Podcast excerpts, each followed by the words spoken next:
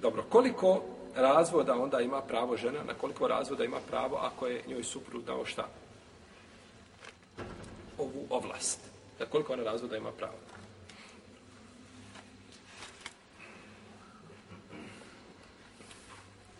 Svakako, ima pravo da se razvede jedan put u redu, ali ima pravo da se razvede tri puta. Ako je, znači, dao pravo da se razvede.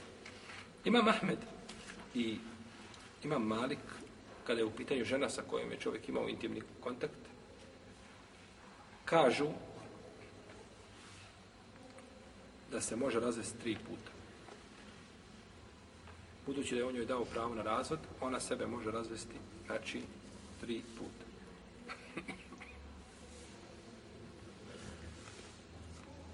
Kada bi rekao u tom slučaju ne, ja sam ciljao samo jedan put, to sam je dao pravo da se jedan put, da kaže, to se od njega ne bi prihvatilo. To se od njega ne bi prihvatilo. Jer je on joj rekao, razvedi se. A razvod je jedan put i dva put, šta i?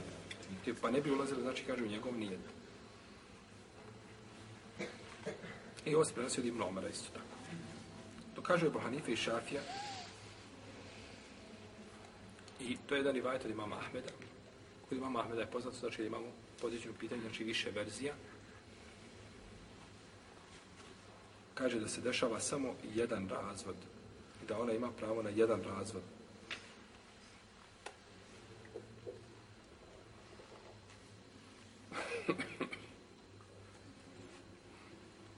Ali oni ograničavaju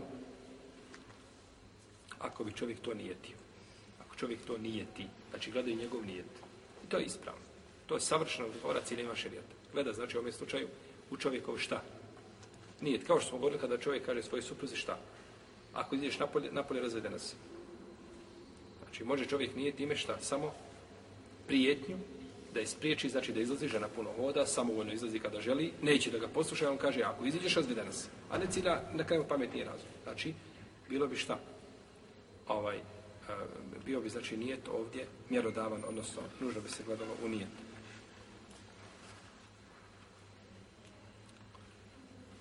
A ako da tako otvoreno, razvedi se kako želiš i kada želiš, onda bi se, znači, razvela, onda bi se desio razvod tri puta. Kaže Taus i Ibn Hazm, i to je drugo mišljenje. Drugo mišljenje čega?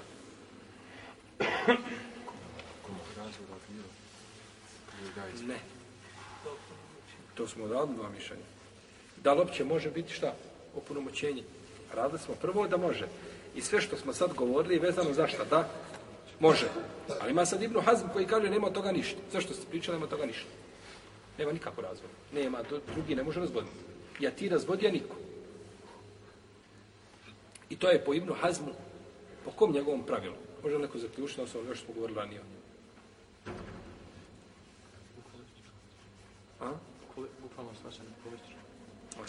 Govorimo sad o konkretnom u redu, ali govorimo o konkretnom pravu. Vanjsko značenje, ajde.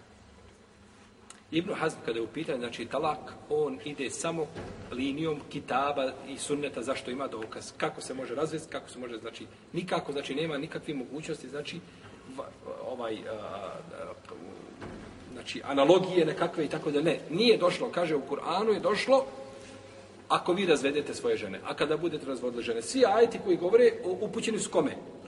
Suprugu. Nikad nije reklo, a ti ako daš ponovoć nekome, je tako. A kod Ibn Hazma to nema. U njega je ajet takavi, on ne prihvata ni lijevo ni desno. To ne dolazi onda, ne, ako ima ajet ili hadis, dolaze u pravilo ovaj, u obzir ni, ni, ni, ni ovaj, ciljevi šarijeta, ni ništa, nego Ibn Hazma će drži se striktno čega?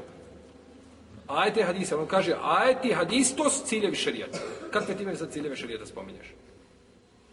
Pa nije, znači, prihvatio Ujda talaktumun nisa. A kada budete razvodili žene, ko? Muževi kada budu razodrženi. I kaže, ar riđalu kao ala nisa bima fadala Allahu ba'dahum ala ba'd, o bima anfaku mine uvali. Muš, muškarci odgovorno, oni su nadređeni nad ženama i oni su ti koji razvode. A nije, znači, neće razvoditi, znači, ovaj stranac, nego razvodi je, razvodi je muž. I došlo od muđahida, da je čovjek došao kod Ibn Abbasa i rekao mu, kaže, ja sam e, ženi dao mogućnost da me razvede tri puta.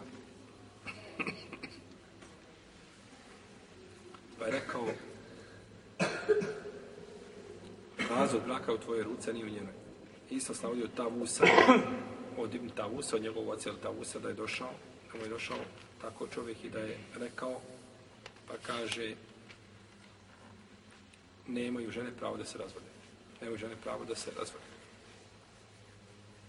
Ovo je mišljenje, znači jednog djela islamskih učenjaka, I ono je ispravno, nemaju žene pravo da se razvode. Ali žena nije razvela, znači, sebe u mjestu nego razvela uz dozvolu svoga šta? Supruga. Pa nema razlike između toga da on razvede ili da dadne nekome pravo da razvede. Kako god znači da se okrene, dozvoljeno je znači i jedno i drugo dakle, po ovome braću pitanje nema jasnog mišljenja. Odnosno, prosto, nema jasnog dokaza. Nema jasnog dokaza dokaz se mogu, znači, razumjeti i ovako i ovako opći ti argumenti koji govore, kada bi neko uzeo odobro mišljenje Ibn Hazma, ono bi moglo imati svoje mjesto kada, kada su pitanje spoljašnji, spoljašnje značenje ovih ajeta.